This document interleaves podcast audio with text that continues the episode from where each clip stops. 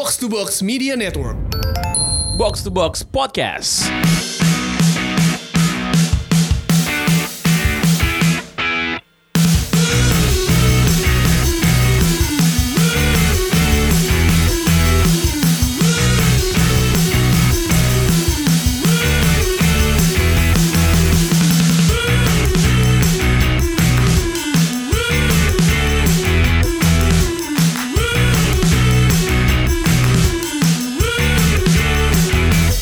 Hari Jumat, hari Box Box balik lagi Pangeran Syahan, Tio Prasetyo sama Justin Laksana. Betul.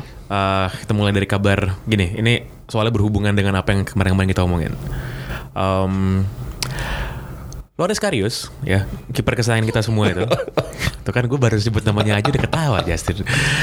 Loris Karius itu eh, dalam seminggu terakhir kalau lo lihat banyak banget berita yang bilang bahwa dia eh, Balik. masa pinjamannya akan di Iya. akan dipotong sama Di-terminate. dipotong sama Besiktas terus akan dibalikin ke Liverpool gitu. Eh, kemarin ada wartawan Turki namanya Emre Sarigol dia nulis eh, artikel di Guardian. Iya. Dia bilang bahwa enggak Karius itu nggak mau dibalikin ke Liverpool. Dia stay kok di Besiktas. Manajemennya suka sama dia, fansnya suka sama dia. Gue gue nggak kebayang sih fansnya suka sama dia kenapa kira-kira kan. Yang pasti bukan gara-gara mainnya sih. Terus dia bilang, enggak kok ini dia nggak akan dibalikin ke Liverpool, dia akan stay di Besiktas. Tapi kenapa banyak banget berita yang bilang dia akan dibalikin ke Liverpool ya? Gitu. Dan ternyata menurut menurut si wartawan Turki ini adalah bahwa Karius ini di Turki adalah sebuah komoditas berita yang menjual katanya. Jadi kalau lo masukin apa pun berita soal Karius. Karius di web- website-website berita Turki ya. Mungkin ada website berita seperti Rakyat Merdeka Istanbul atau Tribun Istanbul misalnya gitu ya. itu itu sel- selalu menjual. Dan dia bilang simply gara-gara ya nggak eh, gara-gara Karius itu memang bahan bercandaan semua orang katanya. Bahan bercandaan semua orang. Dia dari 10 kali start, 10 kali start buat Besiktas, Iya. 15 kali kebobolan. 15 kali kebobolan sebelum start gitu. gitu. Jadi secara secara rata-rata sih emang bapuk sih. Nah, dan dibilang bahwa gosip bahwa dia akan ditukar sama Rivok Origi dan lain sebagainya itu nggak benar, nggak benar sama sekali, bohong. Katanya bahkan dia pernah ngepost di Instagram tapi langsung dihapus adalah uh, media bullshit katanya. Jadi Karius akan balik ke Liverpool itu nggak benar. Tapi, tapi dia selalu menjual kan berarti uh, namanya. Ini juga pertanyaan yang sama. Kenapa sih box to box ngomonginnya MU mulu katanya? Nggak jual. Nggak. Nah, tapi beda kita nggak bohong. Emang. Nggak bohong. Kita nggak bohong. Kita Enggak, fakta. bohong enggak, tapi lebay iya. Nggak, nggak, nggak bohong. Termasuk soal Man United are back nggak bohong itu. Emang udah kejadian kalau Man United Arbeck itu kejadian sebenarnya. Enggak apanya back? Apa? Apanya yang back? Back masuk lima besarnya dulu. Sekarang udah beda berapa sih? Udah beda lima, beda empat ya? Eh, Lima, lima. Lima ya. Enggak usah lebay lima. Beda lima, udah beda lima. Ya ntar delapan. Oke, kita Setelah ngomong Arsenal Minggu dulu lah. Arsenal ketemu sama Liverpool. Ini big match, big match uh, 8 kick off ya. Ya. Hari Min- Sabtu. Sabtu. Sabtu. Minggu dini hari. Setengah satu. Ini gue pengen Arsenal menang sih tapi sih. Ya nggak yuk? Ya sama sih gue juga mainnya Arsenal yang menang. Secara Ya, se- kan. Untuk untuk kali ini gue berada di satu sisi yang sama dengan lu coach. Kali ini kalian diberi eh, apa namanya sebuah berkah bahwa Arsenal akan menang. tapi Arsenal tuh Pada hari ma- Sabtu. masalahnya selalu mengecewakan sih. Kalau diharapkan biasanya begitu. Iya. Kabar terbesar dari Arsenal adalah uh, mereka memutuskan untuk tidak memperpanjang kontraknya Rembu. Ramsey. Aaron Ramsey dipersilakan katanya angkat kaki karena nggak sepakat soal soal Gaji. angka gaji. Heeh. Katanya si Aaron Ramsey minta berapa dia? Minta sebesar 300 ya kan? Minta sebesar Ozil ya? Iya, sama-sama usul. Aaron Ramsey minta sebesar Ozil. Sakit jiwa itu. Ya, Agak- siapa? agak aneh sih menurut agak gue. aneh. Permasalahannya Oz- apa si Ramsey musim depan nggak eh, dilepas pun siapa yang mau nampung itu klub yang mana yang Dia, cocok? dia merasa sangat cocok, sangat laku. Oh ya, mungkin ke Bournemouth kali la- laku ya. Heeh. Kal- Kalau gue bilang di Bournemouth pun uh, ak- akan jadi cadangan kayak Wilshere waktu ke Bournemouth cadangan juga kan. Itu kan karena jadi cedera. Sebelum cedera dia main mulu coach. Heeh. Karena emang Bournemouth gak punya pemain lagi. Jackie Wilshere kan mitos. Kalau Aaron Ramsey itu mungkin banyak banget sih tim-tim yang mau dia. Gue yakin sih tim-tim top flight juga tim-tim top 4 juga mau. Nggak, gini. Aaron Ramsey. Tiba-tiba MU yang ngambil, yang mungut. apa-apa sih kok mau gak Ramsey beneran? Enggak, sekarang bentar. Sekarang kita lihat Ramsey itu posisinya apa? Attacking midfield, playmaker kayak Özil nomor 10 atau di di belakang striker, oke? Seberapa banyak dia cetak gol? Satu, lu nilai orang kan dari posisinya. Kedua, seberapa skillful seorang Ramsey. Ketiga, berapa asis yang dia berikan dalam setahun. Semua itu di bawah rata-rata untuk klub besar. Oke, tapi mungkin eh, gini gak sih coach kayak apa namanya si Ramsey itu kan eh, posisinya selalu berubah-berubah. Di bawah Wenger sering banget gelandang bertahan, gelandang yang menyerang Bo- apa apa. box to iya, box, box berubah iya, berubah iya. mulu. Apakah ini ngaruh gak sih ke ke mentality dia sebagai seorang pemain? Bukan maksudnya bukan mentality eh, ini apa saya sebagai eh, insting dia sebagai pemain kayak misalkan eh, penyerang eh, sering dimainin sebagai winger, insting eh, ini kan menghilang insting eh, goal getter ya. Jadi instingnya pe- penyuplai atau apa. Tapi ini ngaruh gak sih kayak dia di posisinya Se- gitu? Sebenarnya pemain bola ini kan cuma punya dua dua karakter. Hmm. Either lu bertahan atau menyerang. Oke. Kalau lu sana kayak Ramsey kan karakternya atau yang dia inginkan adalah menyerang. Kalau lu menyerang lebih ditaruh ke belakang sebenarnya nggak masalah. Jadi bukan DM murni kayak Busquets tapi lebih ke box to box kayak Kayak kita. Kroos, kayak Kroos. Kayak kita. ya. Jadi pada saat itu dilakukan nggak ngaruh. Cuman yang penting adalah memang pada saat lu uh, menyerang lu membantu serangan. Walaupun lu berada di belakang lini pertama ta- tapi at least lu membantu serangan. Nah, di situ kan yang dinilai kalau dia sana minta gaji sama dengan Özil, yang dinilai kan kualitas lu itu sebenarnya sehebat apa. Kita bicara data dan semua itu di bawah rata-rata uh, central midfield di klub besar, di bawah rata seorang contoh Hazard atau uh, Pogba di MU dan eh, ini ada play Silva, eh, De Bruyne di di City. Ramsey itu siapa? Iya kan? Semifinalis Euro 2016. Iya. Rainbow. Ja- jadi yang eh, seperti yang gue bilang di Twitter gue, yang bilang Ramsey bagus itu kan Wenger dan dan eh, orang Inggris pelatihnya lah, pem- eh, fans Arsenal semua bilang bahkan di fans Arsenal si siapa itu namanya? Nge- Siapa? Fans Arsenal TV itu. Oh si siapa si Di, Yang- di, Diti sama Robby. Diti, sama ya, sama Robby, ya. Mereka itu tergila-gila sama Arsenal. Bilang sayang ini. Gue bingung dari udah dari 3-4 tahun yang lalu kalau lu ikutin Twitter Hello, gue. Iya. kalau lu ikutin Twitter gue, gue udah bilang Wilshere, Ramsey sama Welbeck ini harus dibuang. Tapi kalau Welbeck masih masih masih ada kegunaan lah nyetak gol kalau dimasukin. Ya sekali-sekali Ramsey, lah. Ramsey ini menurut gua bakal di pick up sama salah satu tuh eh, Ce- Chelsea, Chelsea, Liverpool, MU, Spurs itu salah satu bakal nge-pick up Ramsey yakin banget Tapi gua. kalau Spurs kayak nggak mungkin Kalaupun sih. itu terjadi dan dia akan bakal jadi ya bu- uh, bench warmer. udah. Tapi ya kemungkinan Ramsey juga bakal main lawan Liverpool karena si Cakai pun juga belum tentu main kan masih doubtful dibandingin eh, mainin Matteo uh, Nggak, Gunduzi. Gunduzi merah kan? Iya maksudnya daripada Kemarin. daripada itu mending ya pasti Ramsey sama Torreira di tengah kan. Tapi Iya. ya dengan ada berita begini kalau si Ramsey tetap dimainin sama si Unai Emery ngaruh gak sih kayak ke Se- psikisnya gitu? Sebenarnya lebih cocok kalau gue bilang Saka sama Torreira, cuman sekarang back Sakanya kan, back, eh, back kirinya ada nggak itu? Iya, back ada. Ka- kadang dia, ya kadang dia pasang Lichtsteiner, kadang Ramsey ini 27 tahun ya udah di Arsenal dari dari dia umur 17 ternyata dari, dari tahun 2008 dia dia udah lama banget dan umurnya baru 27 loh. Dia udah lama banget tuh di Arsenal.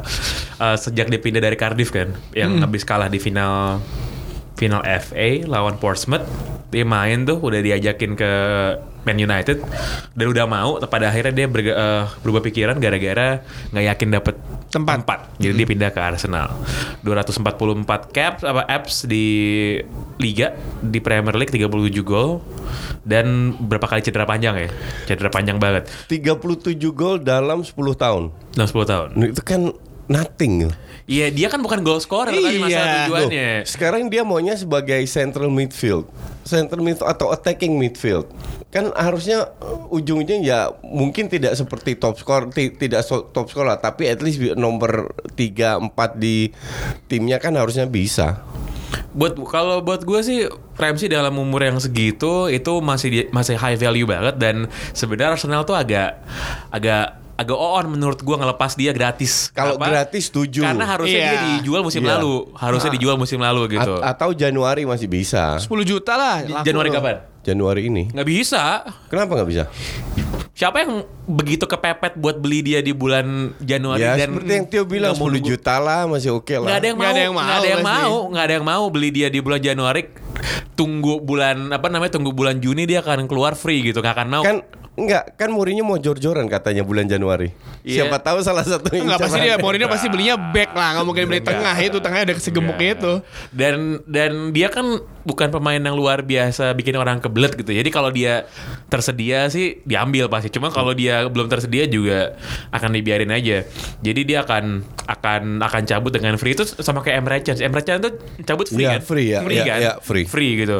Ya sama itu eh, gara-gara ini eh, tipe-tipe pemain yang berada di level yang nanggung sebenarnya. Tep- ya betul. Jadi mau dibilang mau dibilang jelek juga kagak, tapi mau dihargai dengan begitu tinggi juga enggak. Sehingga pada waktu mereka menolak untuk memperpanjang kontrak karena nilainya nggak masuk akal, klubnya juga akan bilang bahwa ya udah lo cabut aja. Walaupun dengan resiko klubnya nggak klubnya nggak akan Nggak dapat apa-apa apa-apa, gitu. ha. Enggak sebenarnya kalau kalau kasus Ramsey agak beda. Gue rasa Ar- Arsenal ingin ngelepas secara free karena dia sudah 10 tahun. Ini, Jadi, ini. ja- jadi ingin memberi gesture lah.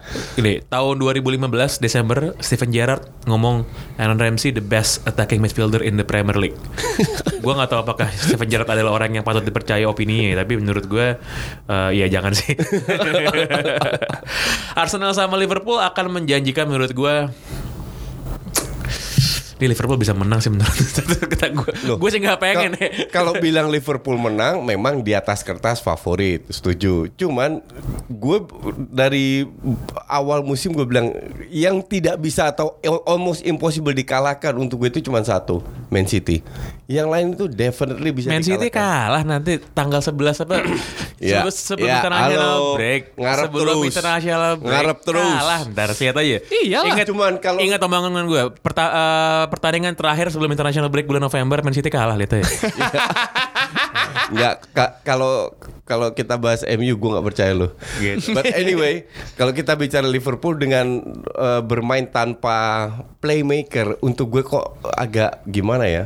Fabinho de- kan de- yang masih main. dengan dua blok kan sering nggak main juga Fabinho. Ya, nah, Nabi Keita sama Henderson eh, cedera kan ketika lepas lawan eh, Iya. Cardiff. Paling Milner, Wijnaldum dengan ya mungkin Fabinho. Ya nggak ada ya. yang tahu kan si Henderson atau si Keita pas lawan si Arsenal udah fit apa enggak tapi Iya. kalau misalkan ngelihat dari yang sekarang eh, kalau nggak mau ngambil resiko ya palingan Wijnaldum sama Fabinho di dua gandang itu kan dan ini kita dari awal kita bikin podcast ini selalu gue selalu bilang kan si kuncinya si Liverpool itu adalah mereka nggak pernah ganti-ganti lini tengahnya kan dan depannya Ya. juga itu terus. Nah, Wijnaldum itu sama.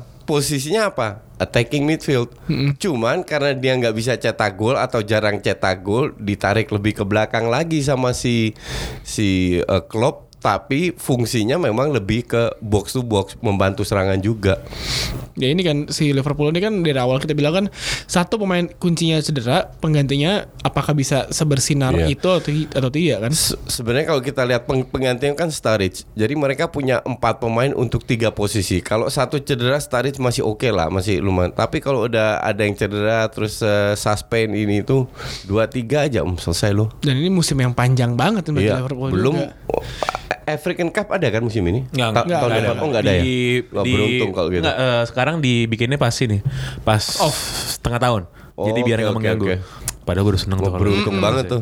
Enggak, cuman kalau timnya Klopp sih selalu sih kalau gue mau nungguin dia pas udah half ini sih, pas udah half season karena timnya Klopp itu selalu kehabisan bensin. selalu iya karena emang lo lihat aja mainnya kayak gitu pak dari dulu zaman di dari dulu zaman di Dortmund juga selalu kayak gitu Dan beneran apa Spartan tak- Spartan banget. tidak kenal lelah Be- iya, beneran betul, eh, betul. apalagi sekarang si apa namanya Liverpool itu main di Champions League eh, Champions League juga terus belum ntar FA juga ada ada ada FA pun eh, mainnya di week week midweek ya udah udah, udah mulai main di midweek belum Eva belum. Belum kan? kalau kan tuh Piala Ciki sekarang. masih di weekend Masih di weekend. Tapi kan kan- sampai dua round masih di Iya weekend tapi nextnya kan si FA itu bakal di midweek Iya. Iya. biar nggak terlalu ganggu jadwal Premier League jadi biar ada libur Desember kan Yuk, ini eh, Bournemouth lawan Man United tuh ngeri. Gue agak ngeri nih. emang. Eddie Howe lagi, lagi dahsyat sih Itu start, Eddie, start Eddie terbaiknya Bournemouth di Premier League. Eddie Howe tuh lagi dahsyat Ma- sih makanya prediksi gue juga seri.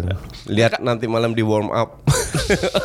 Gak sih, ini menurut gue coba kita lihat. Dia formasinya kan ya. eh, tiga empat tiga eh, si Francis, Cook, Nathan Ek atau Ake sih? Ake. Ake berarti ngomong. Empat tiga tiga biasanya. Tapi eh fluid mereka ah, berapa pertandingan terakhir tiga, eh, tiga back sejajar Iya. dan menurut gua ini menjadi satu formasi yang paling cocok buat Bournemouth dengan eh, dengan timnya yang ada dengan skema eh, susunan eh, pemain yang ada itu 3-4-3 tuh adalah yang terbaik buat mereka dan eh Man United sendiri kan kita tahu kan sepertinya di belakang udah menemukan kembali eh, menemukan dua back terbaik bagi Mourinho saat Victor ini. Lindelof. Victor Lindelof udah mulai menemukan sama satu lagi ya udahlah itu lu lu ngeliat muka Chris Smalling pas nekel pemain Everton nggak?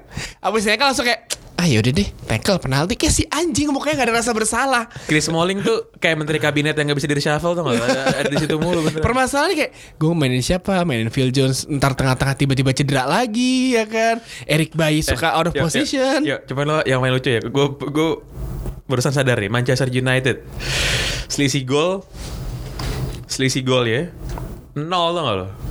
Apanya? Selisih golnya nol. Oh ini impas ya? Impas, Impas. nol, heeh. makanya nggak ada yang kayak gimana. Yang nol juga itu adalah Wolves. Tapi Wolf emang mainnya kan kayak gitu Eh, kan. eh, by the way, Wolves tuh kayak hello. Apa namanya? eh, dia kan datengin kiper Portugal itu kan Rui Patricio. Iya, kan. Dari mana? Dari Sporting apa? Dari Sporting, Benfica? Sporting, Iya, iya. Dari Sporting kan free kan. Terus entah gimana caranya si Wolves disuruh bayar 16 juta pound sterling.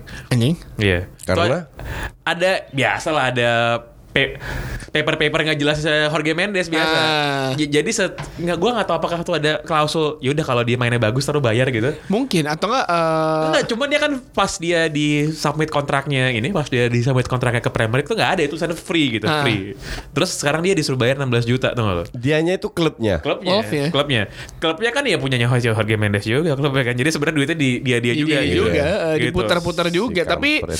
emang Wolf dengan pembelian pemain, dengan dananya yang ada, menurut gue pembelian pemainnya, walaupun kebanyakan pemain Portugal, ya yang terbaik lah buat mereka lah, dan nggak menghilangkan sisi Wolf yang lama Co- juga. Cocok. Cocok. Dan as a team kalau kalau gue bilang mungkin ini tim yang, yang paling perform sebagai new newcomer ya. Ya, tapi ngomongin si Bournemouth lawan United juga, eh apa sih? eh, si, gue penasaran sama Callum Wilson di eh, di kandangnya Bournemouth main bisa ngacak-ngacak si Chris Smalling sama karena Wilson kan Mengerikan, cepet banget kan. Nanti Ake cetak gol enggak. itu nggak bakal kejadian itu. Fraser, Callum Wilson, Brooks ya Jangan kan. bilang ntar bener kejadian gue ketawain lu di di sosmed lu. Dari tempat lain, Raheem Sterling verbally agrees tanda tangan kontrak baru 5 tahun sama Manchester City. Lagi on fire Sterling ini. Sterling ya, karena Sterling dia fire. kontraknya Lagi tinggal bagus sisa, banget tuh. tinggal sisa satu setengah tahun. Sekarang gajinya 170 ribu Dinaikin. per week ke dinaikin. Ya itu tadi dinaikin sih, tapi nggak tahu Nggak naik tahu berapa. berapa. gitu. Tapi dia si Pep suka banget sih sama dia. Suka. Dan emang lagi on fire banget. Gue gue berapa kali nonton Sani musim lalu kan Sani luar biasa, tak tergantikan. Kemarin juga gue nonton Sani. Lagi emang lagi hancur itu Oh pemain. kemarin si itu yang membuat gol siapa? Brahim Diaz tuh. Blame dia. Ya tapi beruntung juga golnya itu. Brahim tetap aja dua gol Brahim Diaz. Tapi Kevin De Bruyne cedera lagi ya.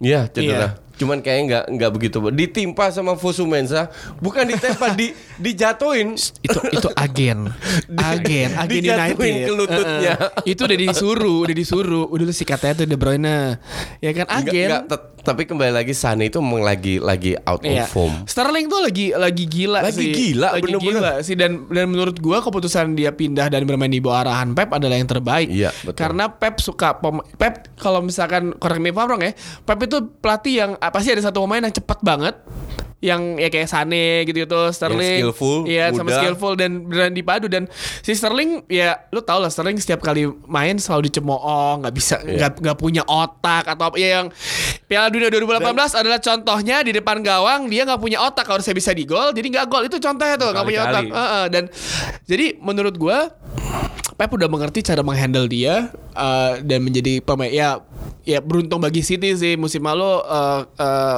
Leroy Sané, Kevin De Bruyne, musim ini Raheem Sterling, terus penyerangnya ganti-gantian nyetak gol mulu. eh, Mahrez juga mulai on Mahrez fire. juga galak jadi Bernardo Silva bisa gantiin De Bruyne di tengah. jadi menurut gue City nih musim ini Juara lagi. paket lengkap lah. Iya, Ya, betul, Nggak, betul. nggak apa-apa sih itu yang juara asal jangan yang satunya lagi aja. Jadi apa-apa. Boston Red Sox juara kemarin men. Akhirnya. Boston Red Sox tuh juara MLB. juara World Series akhirnya World itu Series. juara keempat dalam 15 tahun. Juara empat kali gitu. Itu ownernya Glazer. On- ownernya bukan, bukan Glazer, ownernya si? John Henry-nya ini John eh, Liverpool. John Henry Liverpool. Oh, Liverpool. John Henry Liverpool. Terus kemarin kan ada yang ada yang nanya sama gue ini kira-kira bakal jadi omen gitu nggak? Gue bilang kayak nggak. Semenjak John Henry megang semenjak John Liverpool. Henry megang Liverpool, si Red Sox udah jua, udah dua kali kan, udah dua kali juara juara. Sorry, semenjak John Henry megang megang Liverpool, Red Sox udah empat kali juara World Series. Dan di empat musim itu, itu nggak ada yang juara satupun Liverpool. 2004 itu yang juara empat tuh siapa ya juara? Arsenal, Arsenal 2004. Berikutnya yang juara tuh sempat MU, Chelsea segala macam pokoknya itu nggak ada Liverpool lah. Sementara timnya siapa kayak yang tadi gue bilang timnya Glazers mah bapuk semua, mau tim NFL kayak mau tim bola nggak ada yang bener ataupun timnya Stan Kroenke tuh yang lagi bagus, undefeated di NFL.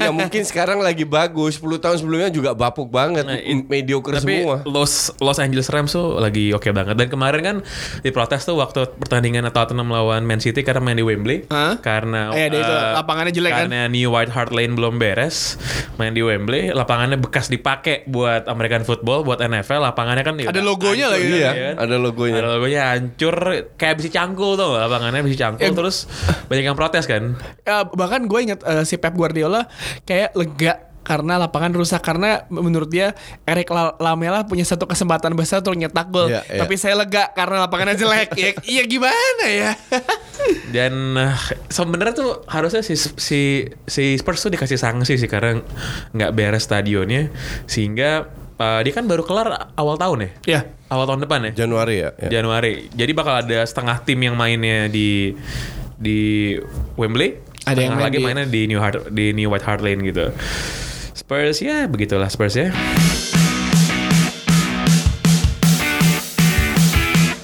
Menurut Observer Sport Monthly, ini salah satu publikasi Guardian mereka merilis 50 apa 50 pertandingan olahraga yang harus lo tonton sebelum lo mati.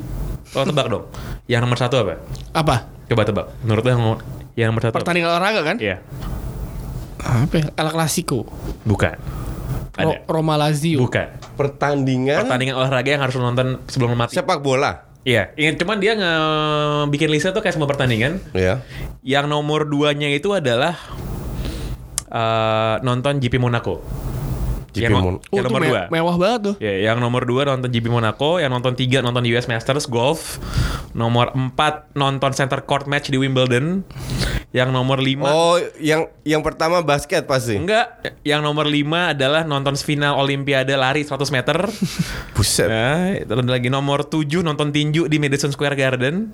Nomor 8 nonton kriket di Melbourne. Nomor 9 itu Nah, ini nggak jelas nomor 9 apa. Nomor 10 eh, lari di Saint Moritz. Tapi tebak yang nomor satu apa? apa Yang nomor satu. Apa? Eh, nomor satu adalah Super Clasico Boca Juniors lawan River Plate. ini dahsyat nih. nomor satu Ya. Nomor satu Karena- Dan dan dan, Itu nggak pernah terjadi itu pertama kali. kan? pertama kali di Copa Libertadores Iya. pertama kali. Iya. Iya. Kalau di liganya mas setahun setahun mereka bakal ketemu dua kali kan. Lo bisa bayangin gak sih Boca lawan ini Boca lawan Boca lawan River Plate di final Copa Libertadores dan bakal main dua kali kan home away kan. Bakal main di apa? Boca stadionnya La Bombonera. La Bombonera River Plate tuh gue lupa nama orang gitu lah pokoknya stadion lah gitu dan ini nggak pernah kejadian di Champions League gak sih? Gak pernah ya? di apa oh Barcelona lawan Eh, Madrid. Barcelona Madrid atau Nggak pernah lah. MU Liverpool nggak pernah di final nggak pernah di final di final nggak pernah di final nggak pernah Eh, Juve oh Juve lawan Milan sih nggak seini Juve lawan Inter sih kalau secara Enggak, ini, enggak, ya kan? enggak. Kalau- yang kalau kayak MU Chelsea juga yang di final kan juga nggak iya, segede itu. Tapi ini bukan MU lawan Liverpool gitu kan iya eh, sebuah pertandingan eh, yang mempertemukan dua rival terbesar, ya kan? ini gila ini pasti nih Dan ada ada ada fakta bahwa it's also the last time they they'll be ab- able to do it in Buenos Aires terakhir kali. kenapa dia mau pindah emang Hmm, nggak tahu nih gue dapat artikel dari sorry Independent. hmm. Ada Boca Juniors versus River Plate Copa Libertadores Final 2018 Why there, there has never been a football match like this And there never will be again Boca ini, ini emang Boca sama River ini dari nama stadionnya itu udah keren menurut gue. Boca kan La Bombonera, kalau River Plate Monumental de Nunes. keren banget ya nama stadionnya. yang yang La Bombonera tuh ada yang yang ada bagian seat yang kalau misalkan gol pada maju semua Ada, gitu kan ada, ada, Wow, ada, ada, brrr, iya, iya. gitu. Eh, kalau kalau River Plate itu sedang mengincar gelar Copa Libertadores keempat, yang terakhir itu 2015, sedangkan Boca itu ingin menang untuk ketujuh kalinya untuk nyamain Independiente. Independiente. Ini gokil sih Liga Argentina ini emang. Ja- jadi sebenarnya Liga Argentina 10-20 tahun terakhir lebih bagus daripada Liga Brasil ya. Karena Iya. lebih sering masuk ke Libertadores. Iya kan? Considerably sih iya sih menurut gue sih ya. Eh, cuman kalau gue juga suka kedua jersey klub ini sih. Menurut, menurut gue tuh sangat ikonik gitu ya. Kalau River Plate kan warna putih merah ada ini ya, ada diagonal gitu. Kalau Boca lo tau nggak kenapa Boca kan kayak Parma dulu. kenapa Boca warnanya warnanya biru kuning? Biru kuning. Jadi kan yang bikin Boca sama River Plate kan ya biasa orang Inggris kan. Klub Iya. sepak bola mana sih di dunia ini yang bikin bukan orang Inggris? Ba- Barca bukan. kecuali Persib Orang sih, Swiss. Persija orang Belanda soalnya yang bikin sih kalau itu sih. Barca orang orang Swiss, Swiss, orang iya. Swiss, orang Swiss. Tapi orang Swissnya juga belajar dari orang Inggris juga kan. Jadi konon kabarnya pada waktu orang-orang ini mau bikin klub bola di Buenos Aires, yang orang-orang buka ini terus mereka, mereka lagi milih warna ini kan, lagi milih warna baju gitu, warna bajunya apa ya. Terus kata, kata eh, katanya tiba-tiba namanya kan juga kota pelabuhan, mereka lagi di pelabuhan ada kapal baru merapat. Kapalnya kapal Swedia katanya. Benderanya biru kuning dijadiin dari situ. Itu selama bertahun-tahun itu jadi sesuatu yang dipercaya gitu ya. Tapi belakangan sih kayak banyak yang diperdebatkan gitu kayak bukan dari situ deh. Tapi kalau nggak dari biru kuning dari situ entah dari mana lagi sih. Ya itu nanti ke Copa Libertadores River Plate, Plate. lawan Boca Juniors. Los Millonarios, The Millionaire Super sebutannya bagi si gila sih, River Plate. gila. Tapi ini seru sih. Eh Disiarin gak sih? gua nggak tahu. Kayak ada di Super Soccer deh kayaknya. ada mungkin mungkin ya ada ada ada Iya. tapi eh, ada fakta eh, pernah ada satu oke oka- eh, apa occasion gitu eh, fansnya Boca membuat satu lubang gitu di tunnel di protective tunnel untuk eh, apa namanya men eh, kayak melindungi pemain Boca dari lemparan misil ada ketika lawan River Plate. Ini ada satu okasi eh, ketika mereka ketemu di eh, fase knockout eh, Liga Champions Amerika Selatan. Ada jadi si fans Boca melakukan hal itu dan si fans eh, pemain River Plate kalau misalnya ada rusuh di nggak dikasih protektif apa apa jadi kalau ada kena ga- gas air mata doi kena jadi begitu deh kayak maksudnya ini udah bukan 11 pemain di lapangan ini udah semua penontonnya juga Tapi fans-fans mereka Am- Amerika terutama Brasil, Argentina itu biadab-biadab. Wah, itu- itu Argentina parah udah banget Argentina itu. mah udah Asli. udah. apa namanya kalau Argentina tuh eh, Baras Brava ya tau lo ini itu ultrasnya mereka Oh, iya, mereka. iya. Baras Brava itu mereka sampai minta tiket ke klub jadi tuh mereka minta tiket gratisan biasanya ke klub gitu bener-bener diteror gitu minta di pressure dan itu harus diakomodasi gitu. Sebenarnya sama Indonesia sih nggak beda jauh ya menurut gue ya, Liga Argentina Liga Brasil tuh sama, Argen- sama Iya. Indonesia tuh secara manajemen sih nggak beda jauh secara kualitas aja agak beda gitu. Eh pindah ke Liga Spanyol Real Madrid lawan siapa ya minggu ini Valladolid, Valladolid Valladolid. Real Madrid S eh, ini lagi udah ah, ini Santiago ya? Solari kan San- Santiago Solari saya Derby, kiri lu ya derby, derby. Derby Santiago Solari. Santiago Solari gue inget Emang banget ya. derby itu Der- Valladolid kan dari Madrid. enggak lah ya? Valladolid ya dari Valladolid coba kita lihat Nih hari Sabtu Yang dari Madrid apa ya? Atletico Madrid Atletico Madrid. Bukan yang keempat. empat itu Getafe Atletico. Yang ketiga siapa? yang ketiga maksudnya posisinya Klubnya Enggak, enggak klub dari Madrid. ada klub kan ada empat. Eh, Real Madrid, Atletico, Atletico Madrid, Madrid. Rayo Vallecano, Oh, Getafe, Vallecano, satu ya, lagi ya, Leganes ya. kalau nggak salah. Eh, Leganes bener kan Leganes? Leganes. Vallecano, Vallecano. Ya, Vallecano. Leganes juga derby nih lawan Atletico jam 7 Ya, bilang hari Atletico. Sabtu habis itu dilanjutin Real Dua- Madrid Dua Madrid lawan mainan. eh, Real Valladolid eh, terus ada Valencia lawan Girona Rayo Vallecano lawan Barca Eibar lawan Deportivo Alaves Villarreal lawan Levante Ba Barcelona Madrid lagi tuh. Yoi Real Valladolid, co-ownernya Ronaldo, men Ronaldo gendut. Oh Ronaldo Boneng ya Ronaldo. Ronaldo Boneng ya Ronaldo, entah kenapa dia milih Real Valladolid, mungkin karena dijual kali. Ya Kenal ownernya kok nggak salah. Ownernya. Iya. Yang penting kan ini investasi bang Eh, dia tuh ternyata, ternyata 51% jadi mayoritas. Ronaldo. Iya. Ronaldo. Jadi kalau dia mau ganti CEO bisa sebenarnya karena dia mayoritas. Ah, Oke oke oke. Jadi deketin lu WhatsApp Ronaldo deh. Lu jadi CEO nya coach. Kayak dulu itu warna jersey keren sih, putih ungu tuh. Jarang banget kan. Ada Oh iya. ha. Iya, gue menarik sih ngelihat uh, Real Madrid lawan uh, Valladolid karena pertama kali Solari apa apa yang bisa diubah. Gua kita lupa ngomongin Madrid, ngomongin Conte nggak jadi pelatih Madrid itu. Lo dengar kabarnya gak sih? Dengar dengar. Iya dengar. kan bahwa pada waktu Conte mau merapat semua pemain yang preman-preman akamsinya Ramos lain-lain tuh pada protes gitu. Iya. Conte-nya Se- nggak sebenarnya bukan protes ta- tapi memberi eh, apa namanya eh, condition bahwa kalau lo jangan ngatur-ngatur gitu kan. Iya, kalau Conte datang bukan berarti dia eh, lang kita langsung dengerin dia. He has to earn our respect itu yang Tapi dikatakan. menurut gua tuh tai sih maksudnya lo pelatih mana lo masuk ke tim yang nggak mau diatur ya gimana namanya juga pelatih Enggak, kan? bukan, enggak, no. In this case gue setuju. Hmm. Kita bicara klub one of the biggest club dengan pemain top yang sudah mengalami segalanya didatengin oleh pelatih yang beda kultur. Hmm. Jadi wajar kalau gue bilang lu boleh sukses di tempat lain, tapi this is Enggak Madrid, lah, man. cuman enggak cuma kalau lu harus, you have to earn our respect. Itu setuju aja. Bukan enggak lah, enggak, Enggak lah, enggak kayak bisa gitu dong. lah. dia dia kan tidak menolak kan dia tidak menolak bahwa bahwa kita anti Conte enggak tapi nggak bisa juga lu datang terus lu ngatur-ngatur Ya bisa lah orang dia Iya, dia kan di manajernya. manajernya.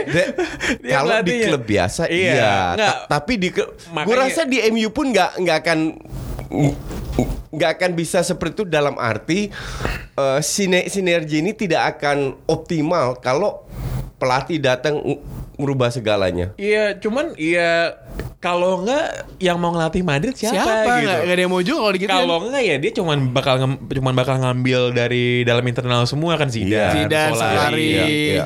dan kawan-kawan. Terus eh, salah satu kolega kita, Ci, kolega Tancredi Palmieri. dia orang bin juga soalnya. dia bilang ini untuk pertama kali dalam sejarah ada pelatih dipecat sebelum dia mem- memegang kursi jabatannya, men. Tapi ini menurut gue bukanlah sebuah presiden yang yang yang bagus buat yang bagus buat Madrid sih. Sampai sampai kapan gitu bahwa si power power dari si pemain-pemain topnya ini pemain pemain akamsi akamsi premannya ini, mau ini gue rasa kan. kompornya Sergio Ramos deh emang Ramos memang Heeh. iya. Sergio Ramos. Pak RW dia pasti. Kalau Lopetegui bilang Ramos dan Kroos dan apalagi dia mantan Barca makanya dikerjain di situ. Jadi sulit juga kalau mantan pemain Barca terus ngelatih Lopetegui. Madrid. Lopetegui. Kan Madrid juga dia tapi. Iya, tapi Iya kan? tapi dia pernah di Barca Iya, dan iya. na- nampaknya dia lebih cenderung ke Barca makanya dikritik. Barcelona lawan siapa? Lawan Rayo Vallecano. Eh, iya Vallecano. Se- Sebenarnya gue berharap Lo- Lopetegui tahun depan ke Barca. Serius. Ngapain? Biar menang aja tuh. Enggak, biar Valverde di kick, biar nggak ada bertahan, nggak nggak orangnya main dengan dua DM tapi satu DM seperti Enggak, enggak, zamannya Pep, Tapi- tapi- Xavi, Ema Iniesta. Tapi tapi gue setuju sih kalau misalkan tiba-tiba Lopetegui gantiin Valverde, terus tiba-tiba dia sukses di Barcelona, Iya. itu Real Madrid gigit jari sih. Berarti Iya, kan yang masalah betul. kan pemain-pemain Madrid Betul. karena malah Lopetegui kan. Ya menarik sih, menarik sih. Tapi eh, permasalahannya bisa nggak tuh nggak menahan tekanan setelah menjadi pelatih? Valverde kan masih tanda tanya, belum tentu dia mau perpanjang karena memang tekanannya luar biasa dan Setinggi itulah pasti. iya lah. Heeh. dan dan dia nampaknya juga nggak nggak begitu happy. Mm-mm. Kita ke seri A sekarang untuk membahas pertandingan mandatori. Tapi yang ini menurut gue yang main tim gede sih Bang. Udah agak gak enak ngomonginnya yuk. Kalau Ya, kalau kalau ah. Frosinone Empoli itu kayak Iya. kalau kemarin Sassuolo siapa kemarin? Sassuolo lawan. Bolonya. Bolonya itu mantep banget dan Gua- dan, dan dan dan dua pertandingan tersebut itu tidak mengecewakan. Yang satu golnya 6, Golnya banyak. Iya, yang satu golnya 4 dan mainnya Terbuka, bercaur, bercaur banget. mainnya mainnya tuh kalau misalkan komentator komentator tarkam tarkam itu ngomongnya cepet banget gitu cuy gila lu be lu gua melihat pertandingan yang si terakhir tuh eh bolo asas Sassuolo bolonya ya. itu lu nyerang lima orang di depan backnya juga lima ini kayak mau main basket atau gimana sih terus tiba-tiba udah kerebut nyerang lagi ya Allah ini gak ada capek-capeknya ini dua tim ya Jadi kita yang buat yang ini emang ini sih emang emang lo ya lumayan gede lah. Walaupun Spal ini Spal lucu sih kan eh Spal ini tim yang ini ya bahkan pada waktu tahun 90-an pun waktu zaman-zamannya sepak bola Italia begitu berjaya lo gak pernah denger namanya Spal ini kan. Nope. Kalau klub-klub seperti Foggia gitu kan atau Reggiana, Regina gitu kan eh, Piacenza sama Vicenza kan Iya, masih masih Ah. masih masih sering lihat kan. Tapi Spal ini kan emang bener-bener kayak ini klub apaan sih gitu. Ini klub kayaknya namanya namanya singkatan tuh. Gue inget banget pada waktu dia promosi ke Serie A, gue di tweet sama Hinca Panjaitan tuh sekjen Partai Demokrat. Dia nanya, Pangeran klub Spal ini klub apa ya? Tapi- gue gue gak balas karena gue gak tahu juga jawabnya apa. Tapi yang menarik eh, di Spal si Van Milenkovic eh, Savic udah bisa main nih. Kan kiper kan dia. Adenya Adenya Sergei Savic. heeh. Ada kakaknya tuh? brother, eh gue gak tahu ada apa kakak lah. Pokoknya ya di kiper eh, saudara kandungnya Sangar gitu mukanya men. jadi ya udah nih kalau kejebolan dia meluk kakaknya ya. kakaknya dipeluk gitu di, dikecup gitu malah. Ada back kesayangan Coach Justin di Spal. Siapa? Johan Juru. Juru Masih Arsenal. masih main tuh orang. Masih Johan lah Juru. coach. Johan Juru tuh mantep banget sih. Juru. Eh dia itu kalau nggak salah masih eh, pemain timnas juga loh. Masih, masih. Cuma, Masih. cuma cadangan Swiss ya. kan? Iya Swiss ya. Masih. Oh di Piala Dunia main kok. Iya main. Main tapi Sebagai cadangan ya. Main oh, enggak, berapa kali starter kok? Karena Oh, emang gak ada lagi. Oke. Maksudnya ya dengan Stoknya emang stoknya emang, emang tipis kan Iya. Swiss kan. Eh, dulu gue inget banget siapa striker Swiss yang udah tua dipanggil terus Alexander Frey. Alexander Frey. Frey. Frey. Alexander Ya kan, Frey. ini penye- ini pemain Ciri bisa- bisanya apa sih? sama Stefan sama Stefan. Eh, eh, ini siapa? Nih pemain Siapa Wisat mah keren. Dortmund kan? Dortmund. Ya misalnya kayak Frey, ini orang bagusnya apa sih? Oh emang udah gak ada pemain lagi aja. Heeh, udah gak ada pemain. Abis Lazio sama Spal kita bakal Sampdoria Torino. Oke Oh, ini dahsyat nih Sampdoria Torino nih. Harusnya yang main bersamaan ya Kievo Sassuolo. Iya, harusnya itu aja. So- soalnya Sassuolo tuh menghibur loh mainnya ba- bagus loh mainnya. Lo kalau ngeliat Sassuolo main tuh pressingnya gawat sih. Pressing gawat terus tiba-tiba bisa lupa lupa bertahan tuh bisa tuh Sassuolo Eh, tuh. gue By the way sekarang gara-gara match yang dua minggu lalu itu ya gue tiap minggu selalu mantengin apa kabar Frosinone apa minggu ini gitu ya sama Empoli langsung Stockholm Syndrome gitu tuh nggak Frosinone urutan 19, Kievo min 1. Di mana lagi liga yang ada uh, timnya min 1? Heeh. Ada di, di Belanda ada tuh min satu waktu gue masih inget banget tuh. Juventus lawan Cagliari ya ini mah Inter Milan lawan Genoa Napoli lawan Empoli Jaraknya Juventus sama Inter aja 6 poin, Bang. Napoli sama Inter sama. Iya, Beda Napoli, 6 Inter poin sama. Juve. Wah, si Milan urutan, urutan, urutan 4 sekarang nih. Gennaro, Ya Jack. kemarin menang di menit terakhir lawan Genoa. Belum iya tapi masih belum pernah clean sheet ya Mm-mm. Tapi tetap Gitu. gue ya nggak apa-apa 6 poin lah itu sehat lah buat Serie A lah buat good marketing lah itu lah tetap Ya ya, buat buat persaingan bagus. jagoan gue Fiorentina nih. Mm-mm. Masuk Europa League dah.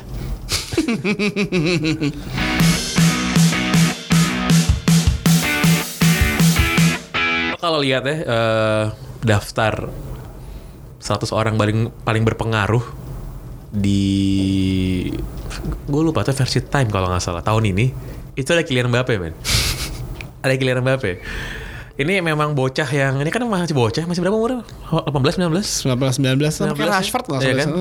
Tapi memang lo bisa lihat sih ini orang langkahnya akan akan jauh banget gitu.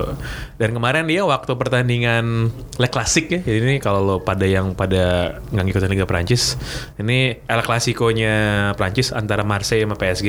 Jadi ini dua tim yang sangat berseberangan secara background sosial ekonomi. Yang satu tim ibu kota gitu kan Paris dengan dengan segala keglamorannya. Meskipun buat orang yang pernah ke Paris sih lihat itu kota busuk sih sebenarnya. busuk klasik. Iya, ada bagian yang klasik lebih banyak yang busuk tapi.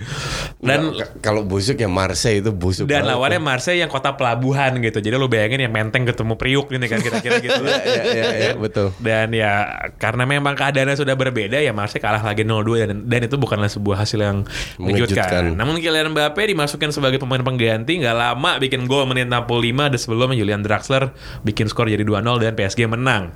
Gitu. Dan eh, sebenarnya kan pada waktu Neymar pindah dari Barcelona ke PSG itu kan dia kadang merasa kayak eh gue mau jadi jagoan paling gede Iya. sendiri gitu. Iya. Karena di Barcelona dia ketutupan sama Messi udah pasti dan sama Luis Suarez, Suarez. pun juga menurut gue ya dia levelnya sama gitu. Iya, iya. Walaupun secara sirkus media ya Neymar kan jauh lebih sirkus sebenarnya kan di Asli. dibandingin yang lain kan. Lo lihat aja kemarin dia dia dia dia tuh ada interview bareng sama Stephen Curry men di Players Tribune. Step Curry. Oke. Steph Curry gitu. Udah gitu si Neymar. Menurut gue Neymar tuh gaya so asik sih tuh. Emang So asik. so Eh, asik. yang di Jimmy Kimmel juga so asik iya, kan? Iya iya gitu.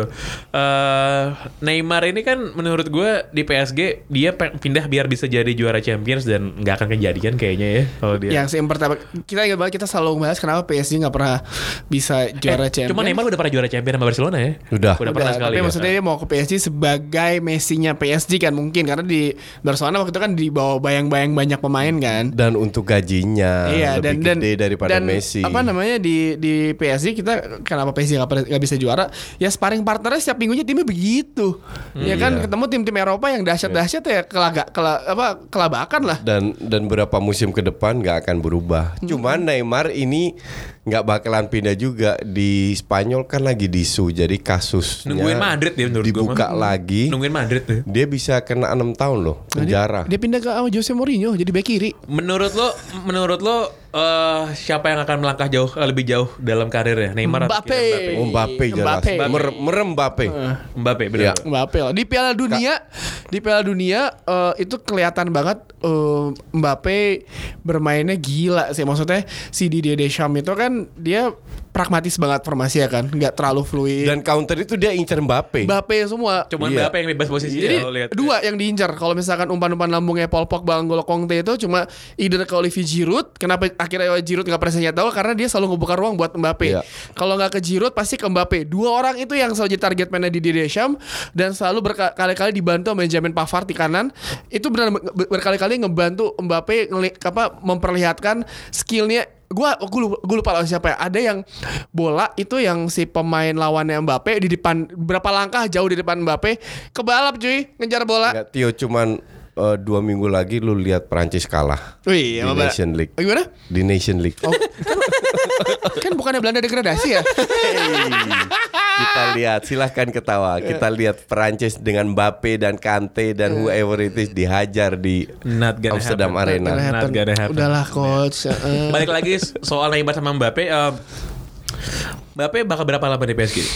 Lama Enggak sih. Kalau gua kalau gua sebagai misalkan eh, teori gembel Anabel gue ya, analisis gembel gue ya. Kalau misalnya Mbappe mau lebih menantang, lo lo segera pindah sih. Karena kalau di pindah ke mana Ya either La Liga atau Premier League, tapi menurut gua Premier League lebih cocok dengan gaya mainnya. Enggak, menurut gue sih nextnya ini salah satu Barca atau ini sih. Madrid. Iya, Atau gue Madrid. gue juga bilang Barca atau Madrid Nanti dibeli Juventus tetap. Ya tetap aja balik ke PSG yang tim PSG lain tapi di Juventus, Itali. Juventus nggak mungkin nggak tapi duit. eh, karena kalau misalkan di stay tetap di Ligue 1, lawan-lawannya sparring partner kan gitu semua kan. Iya, betul. Lo dapat sparring partner yang bagus saat lo sesi latihan sama rekan-rekan tim lo. Hmm. Ketika lo lawan tim-tim lain, mm, Lyon, Marseille, eh, Monaco gitu kan ya ya sorry tuh saya di, di atas kertas jauh di bawah PSG kan semuanya. Tapi kalau mau lebih berkembang lagi ya lo La Liga, Barcelona, Real Madrid, tapi gue saranin mungkin mendingan ke Barcelona lah.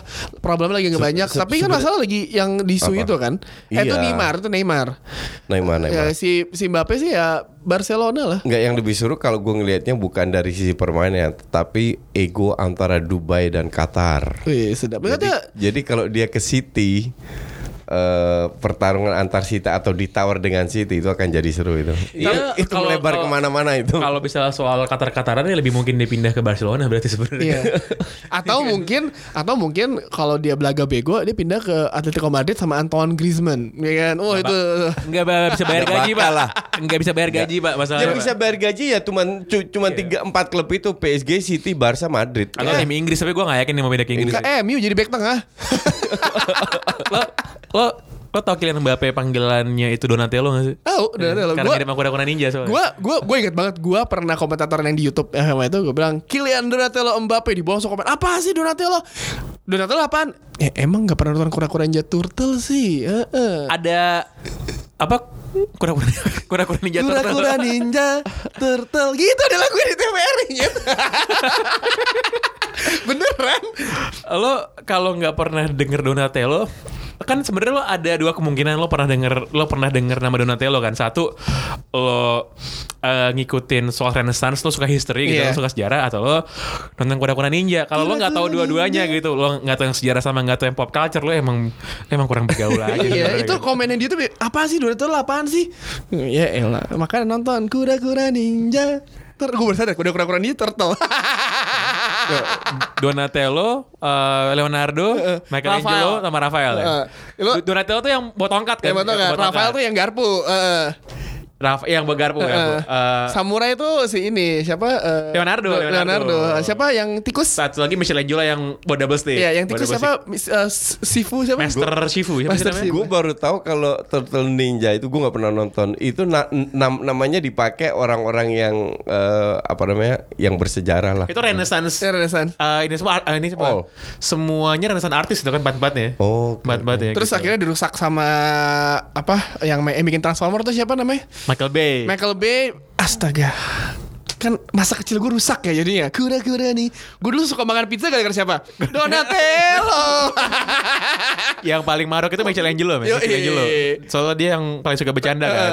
Gue mau pizza Donatello tuh ininya, Do- Donatello tuh bosnya yang, Yang- paling di, yang paling dituakan. April O'Neil April, April tuh yang yang wartawan pakai baju kuning. yang yang kalau di ini yang, yang main sini siapa? Eh Megan Fox. Megan. Fox. Kagak kagak ada mirip-mirip sama April O'Neil di kartun ya kan. ini kita jadi showbox ya. Kura-kura ninja turtle. Udah, udah makin ngaco, udah makin ngaco, udah makin ngaco. Kura-kura Ninja Turtle tuh apa lagi? ada yang di TVRI lagunya Serius, gitu. Gue cari ntar gue pasang lagunya. Oh, Nama penjahatnya? Nama penjahatnya Shredder. Shredder. Dia pakai jubah warna ungu Oh kan? enggak, sama satu yang yang otaknya yang keluar otaknya Iya, iya, itu iya, kan iya. itu kayak itu geli banget gue punya mainannya lagi. Di Nintendo ada game dulu. Ada ada. Ada game ya. Main di dingdong gue jangan jangan. Nintendo ini dingdong dingdong gue. Koinan lu baik main di dingdong sampai tamat. Yo, Oke, ini kalau Udah cut, selesai. kalau udah makin ngaco berarti udah cue untuk udahan sih berarti udah, udah. Jadi eh, jangan lupa dengerin eh, podcast box box lainnya. Umpan Untuk Tarik, umpan tarik Liga Indonesia, Showbox. untuk yang film sama TV, eh, box out untuk basket, Umpan lambung. dan umpan oh ke mana lambung dibikin pak? Oh, dibikin. Apa? Ya, nggak oh, retropus, retropus, juga. retropus tuh buat yang, Yang akhirnya kita promoin lah. Eh, Oh ya. Retrobus ang- kita angkat dari dari lumpur ya kan. Dan dimuliakan posisinya, Dan dimuliakan. pertama kali, pertama kali kita bertiga yang selalu dikenal di podcast kita siaran bareng. Oh iya hari Minggu ya, hari Jadi Minggu. hari Minggu nonton kita yang nggak. Tapi itu ve- Yang nggak ve- tahu. versi kita jaim ya. Versi, Jaim, versi- beda, versi beda. kita jaga image ya. Nggak ada ngomong Donatello tiba-tiba tuh nggak Nggak ada. Jangan ngarepin ada. gue ketawa ngakak nggak ada. Di bin dua ya. Nah. Oh tiga, tiga, Tiga, tiga, tiga, tiga, tiga. Ada Ya, bahasanya minggu masalahnya. bertiga sih. Jadi siapa tahu lo mungkin nontonnya nanti pada waktu di bar gitu. Lo lo lihat kita atau lihat Tio, lihat Justin, lo jangan lupa menyenggol temen lo di sebelah. Hey, bagus juga nih omongannya.